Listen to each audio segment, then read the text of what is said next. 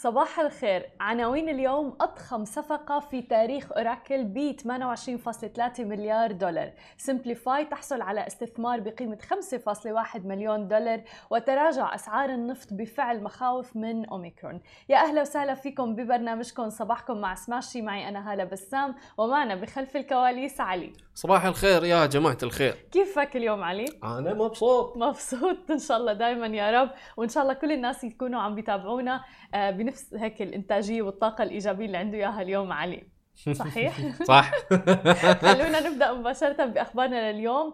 آه ونحكي عن صفقة الاستحواذ اللي صارت وقامت فيها ووافقت فيها أو عليها شركة أوراكل آه اللي هي صفقة الاستحواذ على شركة سيرنر اللي هي مزودة للأنظمة والسجلات الطبية مقابل 28.3 مليار دولار تقريبا. في صفقة من شأنها أن تضيف قاعدة عملاء واسعة في صناعة الرعاية الصحية لتعزيز أعمال الحوسبة السحابية وقواعد قواعد البيانات الخاصة بالشركة صانعة البرمجيات. وهون عم نشوف تداخل موضوع الرعاية الصحية بالأمور المتعلقة بالتقنية وتحديدا تقنيات آه، الحوسبة السحابية. وهذا هو المستقبل. عم نشوف معظم القطاعات عم تتجه نحو هذا المجال.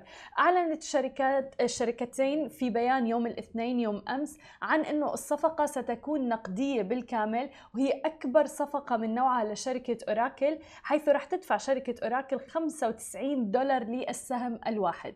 يمثل السعر علاوة بنسبة 20% على القيمة السوقية لشركة سيرنر يوم الخميس الماضي عندما أصبحت محادثات الصفقة علنية ولأول مرة. تراجعت أسهم أوراكل بنسبة 3% في تعاملات يوم الاثنين في حين تم تعليق التداول على أسهم سيرنر في انتظار الإعلان. طبعا صفقة ضخمة جدا في تاريخ أوراكل ومثل ما عم نشوف ومثل ما ذكرنا أنه معظم القطاعات عم تتجه إنه الداتا تبع والبيانات آه، يكون فيها تقنية الحوسبة السحابية في المستقبل. أما عن ثاني خبر معنا لليوم ونحكي عن الشركات الناشئة فأعلنت سمبليفاي اللي هي منصة بطاقات الدفع في منطقة الشرق الأوسط وشمال أفريقيا وباكستان أيضا عن جمع استثمارات بقيمة 5.1 مليون دولار أمريكي. تعتزم تخصيصها لتسريع توسعها في أنحاء المنطقة وذلك عقب إطلاقها التجريبي في أغسطس من هذا العام.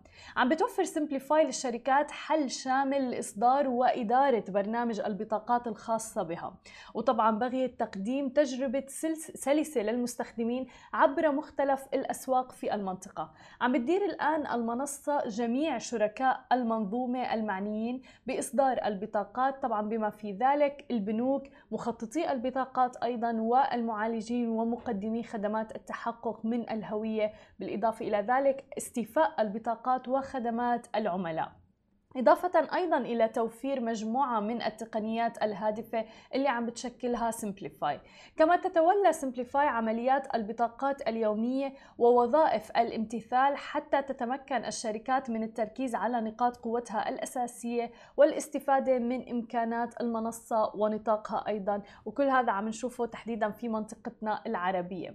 أما عن آخر خبر معنا لليوم وننتقل إلى أسعار النفط فتراجعت أسعار النفط تحديدا يوم أمس الاثنين الاثنين بعد ما أثارت زيادة الإصابات بسلالة أوميكرون المتحور من فيروس كورونا في أوروبا والولايات المتحدة مخاوف المستثمرين من أن يؤدي فرض قيود جديدة لمكافحة انتشارها إلى انخفاض الطلب على الوقود.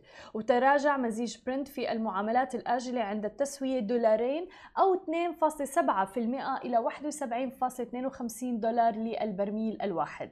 بينما انخفض خام غرب تكساس الوسيط الأمريكي 2.63 دولار يعني تقريبا 3.7% ليبلغ 68.23 دولار للبرميل الواحد عند التسوية. وهبط أيضا برنت إلى أدنى مستوى آه، في الجلسة تقريبا وصل إلى 69.28 دولار للبرميل الواحد. كما انخفض أيضا خام غرب تكساس الوسيط إلى 66.04 دولار للبرميل الواحد. وكلاهما كانوا أدنى مستويات منذ أوائل ديسمبر الجاري وذلك بسبب التخوف من المتحور الجديد أوميكرون. ومثل ما عم نشوف عم ترتفع أسعار الذهب الآن لأنه هو يعتبر الملاذ الآمن للاستثمار تحديدا في ظل التقلبات اللي عم نعيشها بالفترة الحالية. هذه كانت كل أخبارنا الصباحية لليوم بشوفكم أنا بكرة بنفس الموعد بأخبار مفصلة أكثر عن عالم البزنس والتكنولوجيا، لا تنسوا تتابعونا على كل مواقع التواصل الاجتماعي الخاصة بسماشي تي في، تسمعوا البودكاست تبعنا وتنزلوا الابلكيشن، نهاركم سعيد. And we're back with our guest Arya, a founder of Kind Life. Welcome to the show, Arya. Thank you. Thank you for being here with Thank us. Thank you for having us. Uh, first of all, we would like to know the story of Kind Life. Uh, why did you start it, and when did you start it? so, Kind Life is a vegan snacking brand in the UAE, and it's our goal to create healthy snacks that don't compromise on taste and texture. Yes. So, we really believe that if someone's choosing a healthier alternative, it should still be satisfying and it doesn't have to be boring. And um, it was founded by me and my husband Akshay and his sister Ruchika. And it started in our kitchen actually. So it's a family business. Yes, yeah. it's a family brand, and um, I'm vegan, so I bake. Um, and it actually started because I had a lot of food intolerances and gut issues, so I always struggled to find that like sweet tooth cravings satisfied. So there were only two options in the market. You know, there were the vegan gluten-free snacks that had a lot of chemicals in them, and then the healthy vegan gluten-free snacks that just didn't taste Yeah, good exactly. I agree. yeah so i started baking and um, both of them actually their family business is in the food business Mhm. so they came in with a very different perspective like you know what like you have this amazing product and you know there's really like a gap in the market so let's just create a brand and share it with everyone That's amazing because there's there's kind of a misconception of like if it's healthy food, it doesn't taste good, you know. So we and we, really wanna need to change that. that. Yeah, Yeah, exactly. So that's amazing. So we currently have cookies, Mhm. um, cookies and cookie dough bites, and they're all vegan, gluten free, refined sugar free, preservative free, and delicious. Awesome. yeah. uh, do you still bake them?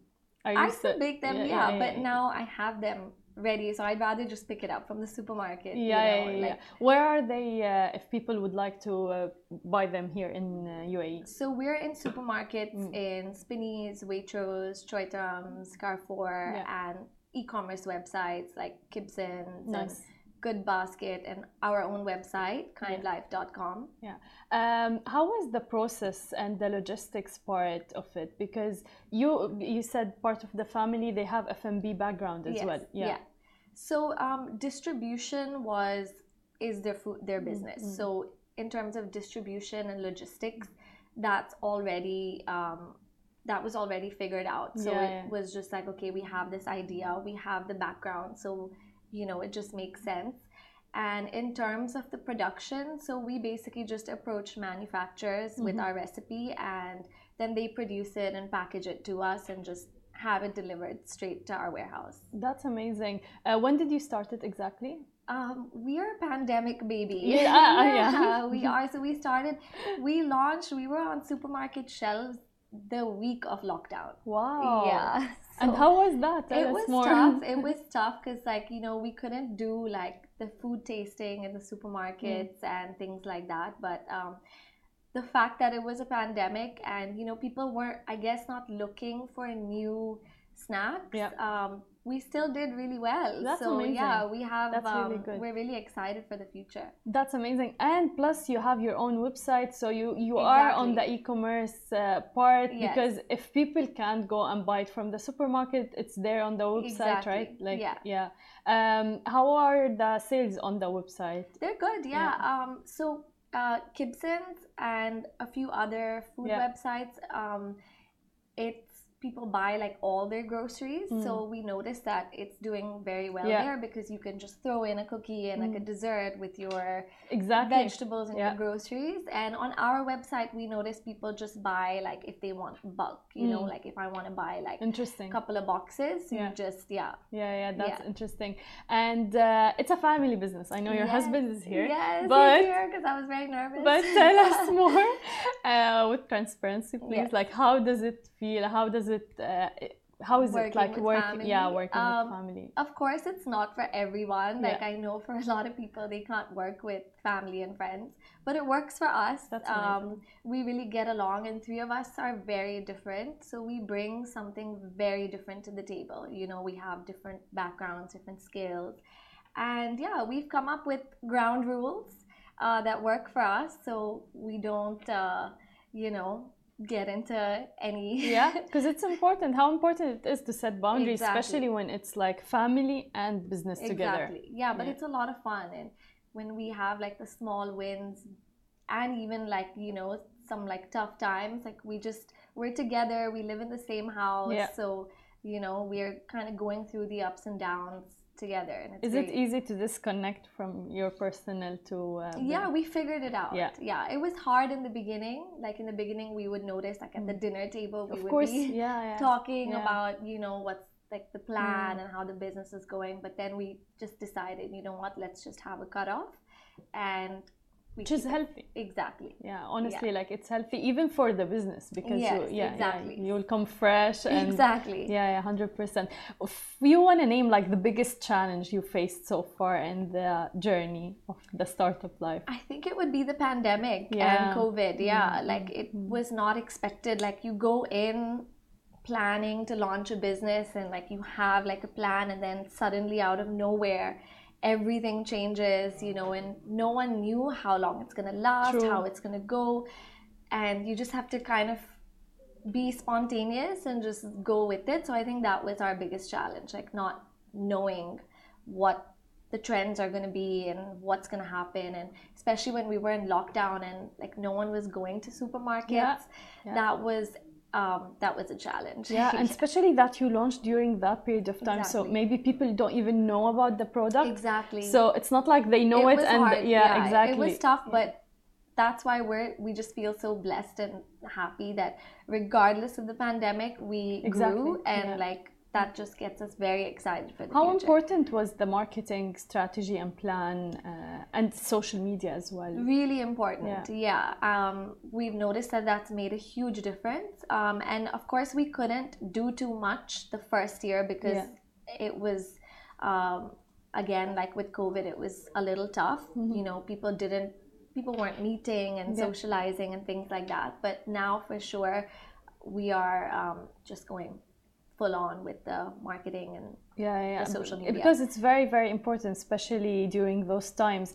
And uh, vegan, like um, recently, it's becoming also a trend, you know. Yes. So how does that work with your brand? it and works really well. right? Like, we're very happy. And um, are you spreading awareness of how important this product? Because I feel there's a role Yeah. from your startup, like to spread awareness of how important, seriously, it is Yeah. For us to eat consciously. Hundred percent. I mean, I've been vegan for more than ten years now. Mm-hmm. Like I've always had lots of food intolerances, and I couldn't eat a lot of things, you know. And I feel like more and more people are becoming more aware of the gut issues Yeah. and your health issues Yeah. and things like that. And it it's just amazing that everyone is starting to do more research and like realize that okay, eliminating certain foods will make you feel better. And that's why we created this and Yeah. like hopefully this brand can help people satisfy those cravings you know which is great because like even we were looking at the google search in 2021 and uh, one of the main keywords that people were searching for is like sustainability Mm-hmm. across everything so it's good to see that there's like awareness spread and people are 100%. actually being conscious Yeah. about those things lately i used to really struggle here before um, to find vegan options but Yeah. i feel like it's growing so like i have options everywhere now exactly it's great Yeah. exactly exactly now it's different what are the future plans for kind life We hope to become a very well known vegan brand. Um, we want to add more products to our range and grow in the Middle East and hopefully expand to like everywhere else in the world. that's amazing we Yeah. would love to see that Us too. Thank you so much. Thank you so much and best of luck. Thank thank you. you and Thank thank you you for for being having with us. us Aya. Thank you. Thank you. شكرا لكل الناس اللي تابعتنا أنا بشوفكم بكرة بنفس الموعد نهاركم سعيد جميعا.